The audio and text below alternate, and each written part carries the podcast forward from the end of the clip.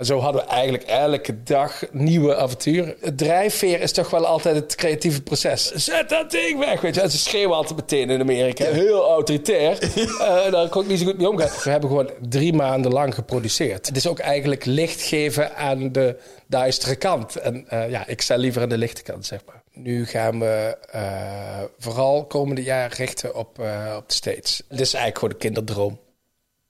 Dat ik de States verover. Van harte welkom bij 7D TV. En leuk dat je kijkt. Hou je pek dicht. nou ja, fuck it ook. Bij mij Bram Reinders, uh, kunstenaar. Hè Bram? In één woord. Dat is mijn beroep. Ja, toch? Dat is je beroep, hè? Eh, de reden waarom ik je heb uitgenodigd is dat jij... Zeg maar, we hebben corona achter de rug. Uh, jij hebt niet stilgezeten in die tijd. Nee, het was een, een tijd waarin mensen veel naar, uh, naar binnen gingen. en veel aan hun woning gingen doen. Dus het was ook een moment voor veel mensen om kunst te kopen. Ja. En dat pakte voor, uh, voor mijn onderneming goed uit. Want even voor de duidelijkheid, jij je bent praktiserend kunstenaar, daar wil ik het zo meteen verder met je over hebben. Maar daarnaast ben je gewoon een dikke, dikke vette ondernemer, zeg maar. Beschrijf je onderneming eens.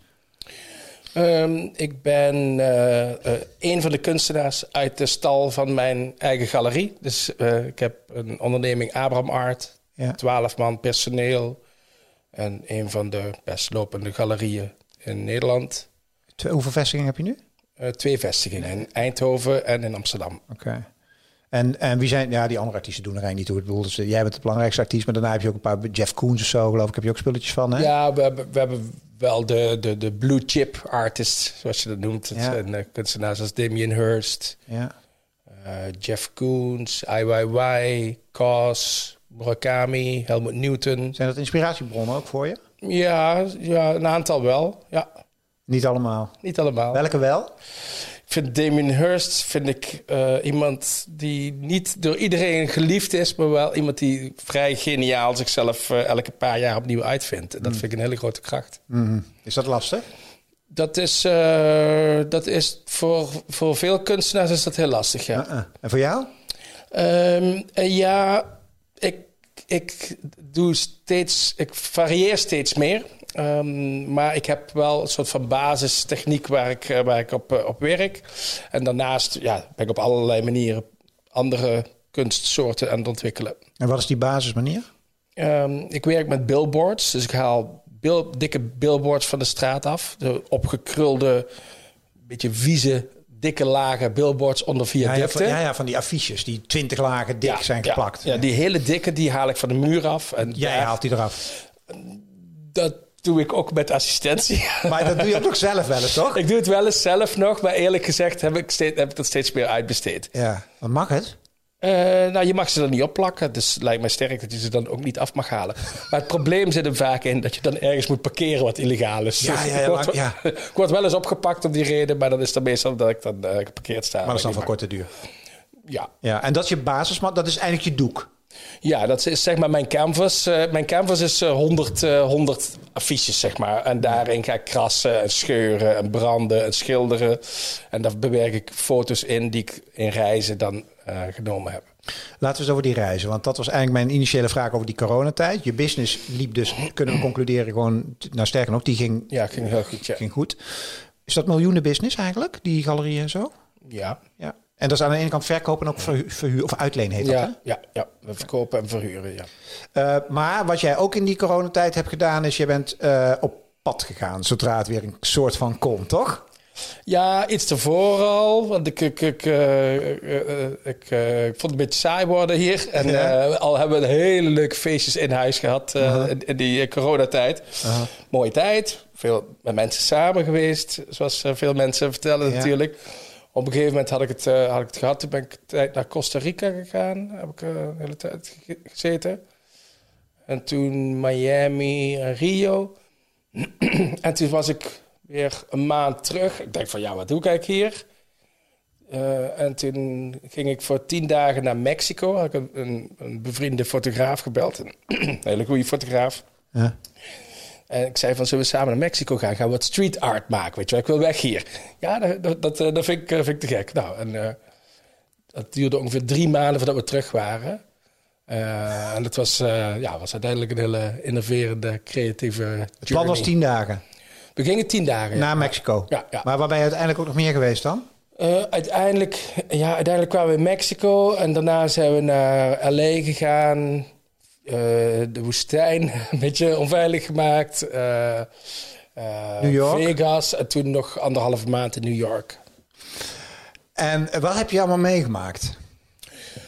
Ja, best veel. het was allemaal ongepland, maar uh, ja, eigenlijk... We kwamen in Mexico aan en toen heeft iemand anders... die is toen achter ons aangevlogen. Die heeft een show geregeld in een, uh, in een gallery daar. En toen zijn we street art gemaakt op straat. En dat begon met, met klein werk. En dat werd steeds, werd steeds groter. En op een gegeven moment zijn met gepantserde voertuigen zijn we door de stad getrokken, omdat het best een gevaarlijke stad was. En wij deden ook overal dingen die, die aanstootgevend waren, zoals filmen, dronen. En ja, dan drone je ook wel eens bij verkeerde mensen binnen die vervolgens met opgetrokken pistolen naar je komen. Ja, ja. en uh, um, ja, we waren hele grote street art uh, projecten aan het maken. En dat, ja, dat, dat was met een heel team uiteindelijk. Maar hoe kom je dat team dan? Nou, uh, dus ik, we hadden de fotograaf. Ja? Een, een, agent is nog met me meegereisd. Die, die uiteindelijk een, een soort uh, ja, kleine superhero bleek. Ja? die, die, die, regelde heel veel dingen voor ons. Ja? Waardoor er ook heel veel ideeën ontstonden. En dat was, dat was heel interessant. En uh, ja, we hadden altijd ook uh, twee uh, bewakers bij. Die waren er dan om mensen uit de buurt te houden die iets anders van plan waren dan alleen maar naar de kunst kijken. En, en, en even voor duidelijkheid, dit hele project, zeg maar, had je dat van tevoren, misschien een zakelijke vraag, had je het van tevoren begroot? nee, nee, nee, dan was ik er misschien wel niet aan begonnen. Want jij financierde alles eigenlijk. Ja, ja, ja. ja. Het drijfveer is toch wel altijd het creatieve proces. En de rest ja, dat is dan collateral damage. En jij regisseert dat dan? Of laat je ja. hoe werkt zo'n creatief proces? Ja, nou, um, in principe mag ik beslissen, zeg maar. Ja. Uh, maar als anderen goede ideeën hebben, dan is dat van harte welkom. En ik, ik, ik uh, en als jij, als jij erin kan vinden, dan pik je daar dingen tuurlijk, uit? Tuurlijk, ja. We, we, waren eigenlijk met drie hele energetische, uh, durfachtige mannen. De drie musketiers. Ja, dat voelde wel zo. Want met z'n drieën konden, konden we heel veel. Ja. En voor die tijd kende je elkaar nog niet? Of tenminste, of jij kende ja, ze minder, minder goed, ja. ja. ja. En toen ben je vanuit Mexico bij naar L.A. gegaan? Ja. En daar nog speciale dingen meegemaakt? Ja, daar, daar, ja, daar hebben we wat wat uh, interessante bezoeken gedaan. Een gallery op Rodeo Drive die, uh, die meteen wel wilde beginnen, maar ik vond hem wat vals. Ik ben redelijk ervaren in de kunstmarkt, dus ik geloofde niks van wat hij zei. Dus uiteindelijk ben ik niet in zee gegaan met hem. Uh, en we hebben heel veel gefotografeerd daar, wat we daarna weer in New York op een interessante manier konden gebruiken. En daar had je het lef om een beetje met je spuitbusje over een of andere graffiti artist heen te gaan jassen, toch? Tenminste, ja, ik was uh, Wat gebeurde daar? Um, we, ja, we gingen heel enthousiast. Op een gegeven moment zaten we dus in New York. En New York ging net open. Er was ja. net uh, regels werden versoepeld. Dus ik, ik, vond het thema New York is back vond ik een uh, interessant thema. Ik vind het leuk om over onze tijd te praten. Over uh, ja, wat er gebeurt in de wereld. En liefst op een, ja, op een, op een ironische manier, maar wel gewoon ter zake doenend. Ja. Um, dus toen zijn we uh, allerlei afbeeldingen uh, gaan maken met New York is back. En toen had ik over iemand die, waarvan ik niet in de gaten had dat het zo relevant was, hebben we heen gewerkt. En toen werden we bedreigd vanuit uh, 50 uh, graffiti-gasten. En dat werd maar meer en meer. Dus toen op een gegeven moment... alles had zijn signatuur van jou natuurlijk. Ja, was niet echt anoniem bezig. Nee, nee, ik was helemaal niet anoniem bezig. Dus dat, uh, maar weet je, ik vond dat op zich wel leuk om even tenen te staan. Maar het is ook niet de bedoeling dat je nou echt in de problemen komt. En ik heb ook had ook niet zoveel behoefte om nou echt die grote artiesten te nee, dat kan hem ook, disrespecteren. Dat, want zo zagen zij dat. Ja. Ik kan me ook voorstellen dat je een paar van die gasten probeert te contacten of zo. Om... Ja, ik heb uiteindelijk mijn excuses aan moeten bieden. Publiekelijk uh, excuses aan moeten bieden binnen, binnen een aantal posts. Dat, uh, dat zij konden zien dat ik uh, nederig was naar de grote baas. En dat, ja, die flexibiliteit had ik wel. Want jullie opereerden vanuit een van of zo hè, in New York? Ja, uit, uiteindelijk. Want toen, toen merkte dus dat op die manier uh, graffiti maken, dat dat voor ons te ingewikkeld werd. Daar, daar had ik geen zin in om. Uh, ja, ik wilde ook niet, om, ik wilde ook niet over anderen heen gaan Nee. meer. Nee. En ik wilde ook niet uh, gaan zoeken naar, naar hele ingewikkelde spots die niet leuk waren. Nee. Dan ging het om de mooie spots. Ja. Dus toen hebben we een soort alternatieve graffiti variant ontwikkeld met, uh, met foamboards. Uh, en het leuke daarvan was, dat kon je dus overdag doen. Dat is niet illegaal. Dus we zetten die dingen gewoon op locaties. En daar, ja, daar, daar konden wij uh, heel flexibel mee omgaan, omdat het, omdat het uh, borden waren. En toen hadden we een, een, een van, een grote van, dat werd uiteindelijk onze studio. En daar reden we s'nachts en overdag mee, mee door New York. En achterin was dan altijd iemand aan het werk. En wij zaten ja, een beetje te dronen ondertussen. Want we, we hebben ook, de reis heeft ons heel veel beelden opgeleverd. Ja. Dus met camera's en met drones. Maar mag, met je met drones, mag je met drones op Manhattan zomaar de lucht in? Nee, maar we deden wel meer dingen die niet mochten. Zoals? We zijn eigenlijk ja, heel vaak uh, wel in de problemen gekomen. Op een gegeven moment waren we in een, in, een woest, in een woestijn. En toen was ik in een verlaten motel. Ben ik in een zwembad uh, uh, ja. ook gaan werken. Ja. En toen, toen kwam er een sheriff die me wegstuurde. En um, ja, zo ging het eigenlijk wel de hele tijd. Op een gegeven moment zaten we op Times Square te dronen. En toen, uh, toen, kwamen er agenten achter die drone aangerend. En die, die lieten wij de ene kant op vliegen. En wij renden de andere kant op. En zo was eigenlijk elke avond wel uh, weer wat. Maar je, ben je, ben je, ben je, je, hebt, je hebt scheid, hè? Ja, nou, ik, ik was wel best berekenend, eerlijk gezegd. Eigenlijk had, want ik, wilde, ik had één groter doel. En dat was een grote hulk. Uh, ik had een grote gouden hulk ont ontwikkeld. En die wilde ik in de, in de straat waar de grootste galerieën ter wereld zijn wil ik die hebben. En uh, die wordt 24 meter hoog. En dat, dat gaat... In deze weken gaat dat gebeuren. Um, en dat was eigenlijk mijn grote doel. Dat we één mega werk maakten. Dus ik wilde eigenlijk niet opgepakt worden. Dus ik heb, ben toch best wel voorzichtig geweest. Ik heb re redelijk vaak moeten verstoppen in steekjes en in winkeltjes. En, uh... ja, ik vind het leuk omdat je aan de ene kant ben je inderdaad die wild guy en scheid en de street guy. Maar tegelijkertijd run je een miljoenenbedrijf, weet je wel. Dus mm. maar jij voelt dat niet als een soort van dat je dan maar een beetje moet gaan deugen of zo. Dat je gewoon een serieuze onderneming runt of zo met mensen en alles. Uh, nee, je. Uh, je blijft gewoon eigenlijk primair gewoon zo'n zo'n kunstenaar. Zo ik, ja, ik, ik, vind, ik vind het moet wel gewoon uh, slaap jij, blijven. Slaap jij s'nachts gewoon? Zeg maar, gaat dit dan een soort van... hoe werkt dat bij jou? Ja, ik, ik heb bijna dagelijks massage om in slaap te komen. Niet waar? Jawel. Hoezo? Nou, dat is goed voor je, want ik, ik ben breinactiviteit is redelijk uh, hevig, ja. Dus, uh... Maar er komt elke avond iemand voor te slapen gaan, die komt je hoofd masseren, zodat je dan in slaap valt. Ja, ja nou ja, overdag, ja. Ja? Ja. En dan... Uh, dan hoe, komen, dus, hoe komen we daar? Dat weet ik niet. Hoe komen we eruit? Nee, maar wat ik wil weten is het volgende. Jij hebt... Uh, en, en nogmaals voor de mensen die nu zitten te kijken of te luisteren naar de podcast. Want je vertelt nu echt heel veel. Alles is in je timeline terug te zien. Hè? Dus voor die mm. mensen die gaan op Insta kijken. En je ziet uh, zeg maar ook in de historie zie je al. Want het was echt leuk om jou te volgen. want je hebt superveel materiaal gemaakt. Maar voor jou was het enerzijds een project op zich.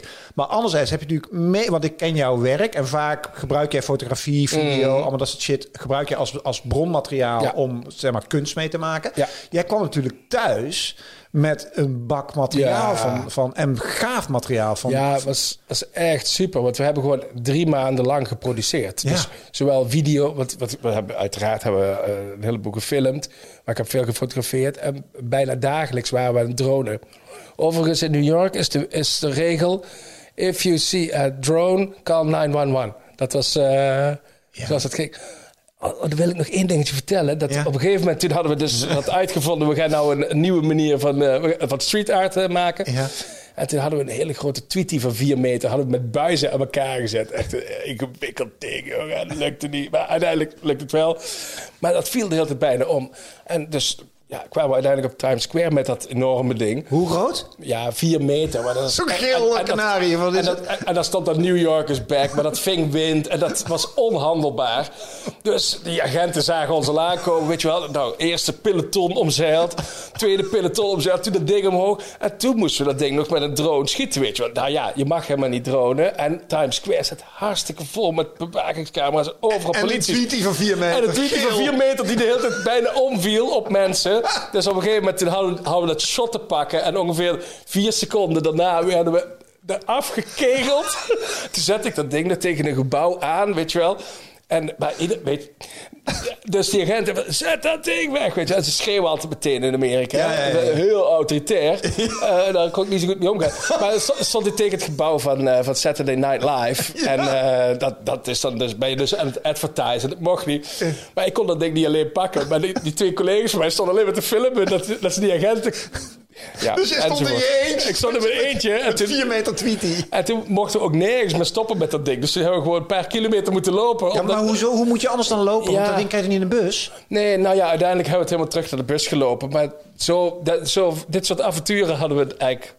Heb je er een soort van film ook? Of ga je er, of is hij er? Of komt hij er? Ja, we hebben, we hebben alles gefilmd. Al moet ik wel zeggen, als ik achteraf nou kijk... hadden we een behind-the-scenes documentairemaker moeten meenemen. Ja. Dit was een avontuur met, ja, met zoveel eh, verrassing. En to- totally non-scripted. En Ja, dat is ja. denk ik heel interessant om te zien. Maar Ja. we gaan kijken hoe ver we kunnen komen. met Omdat de cameraman met name, zeg maar... de mooie shots nam. Ja, precies. En niet erachter liep Precies, eigenlijk. eigenlijk, die frustraties en door elkaar verrotscholden en, enzovoort, weet je wel. dat was wel een projectje geweest voor iemand met een cammetje om bij te wonen. dat, was, dat was heel leuk. En Ja. dan zaten we s'avonds daar een beetje op straat te hangen en zo. Met, met zo'n hele grote vrachtwagen. En uiteindelijk die vrachtwagen helemaal ondergeplakt met, eh, met, met kunst. En dat werd ook weer gevolgd door een hoop mensen. Dus een hoop graffiti watchers.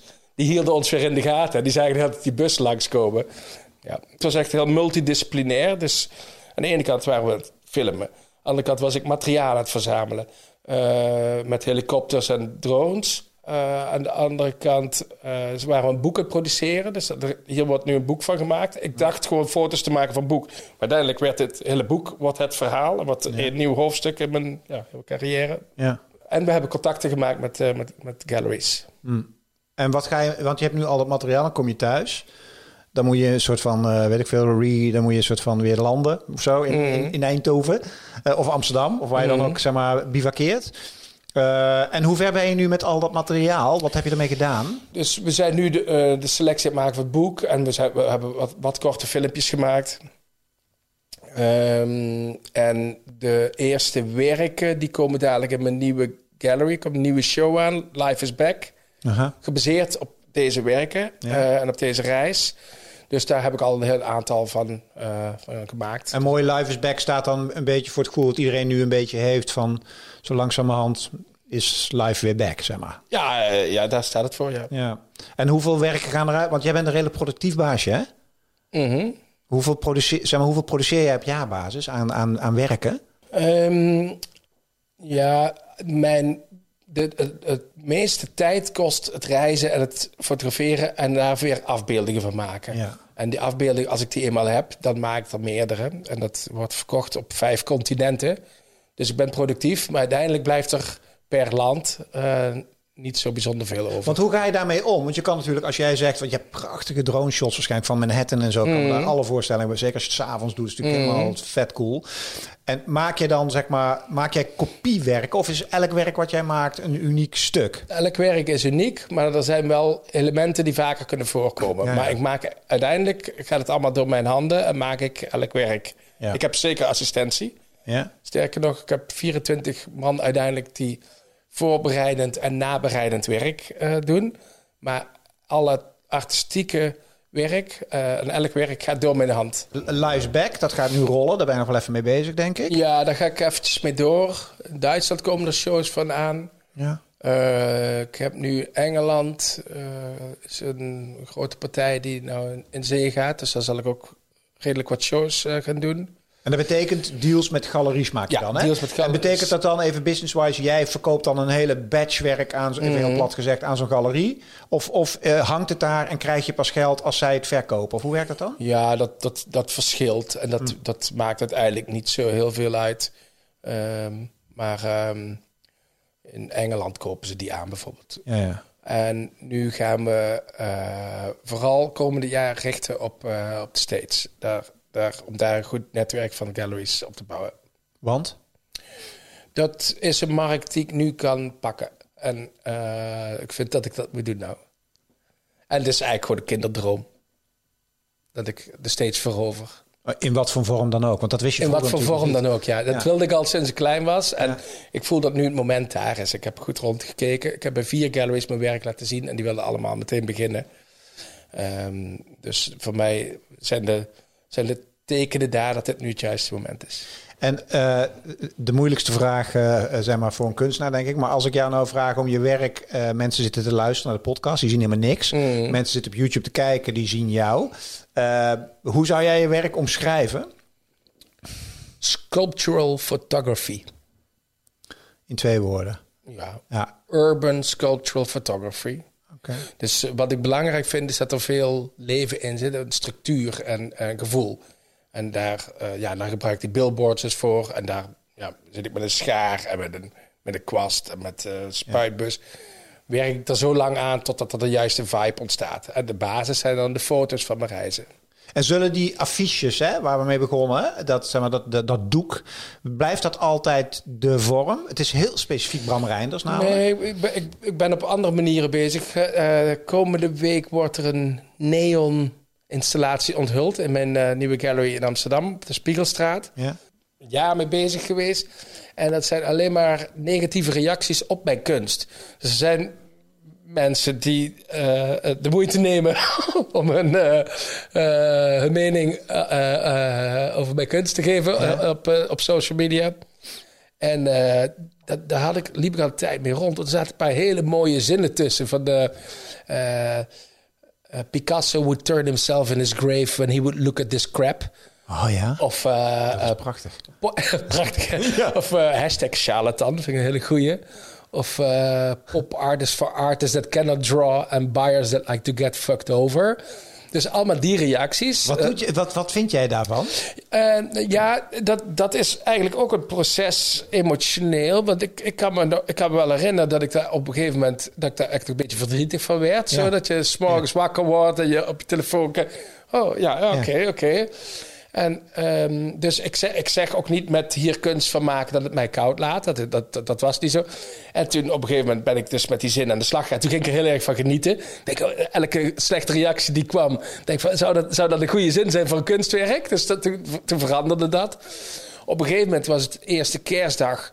Eh, eh, eh, eh, mijn vrouw is vertrokken naar, eh, eh, het land waar ze vandaan komt, Brazilië.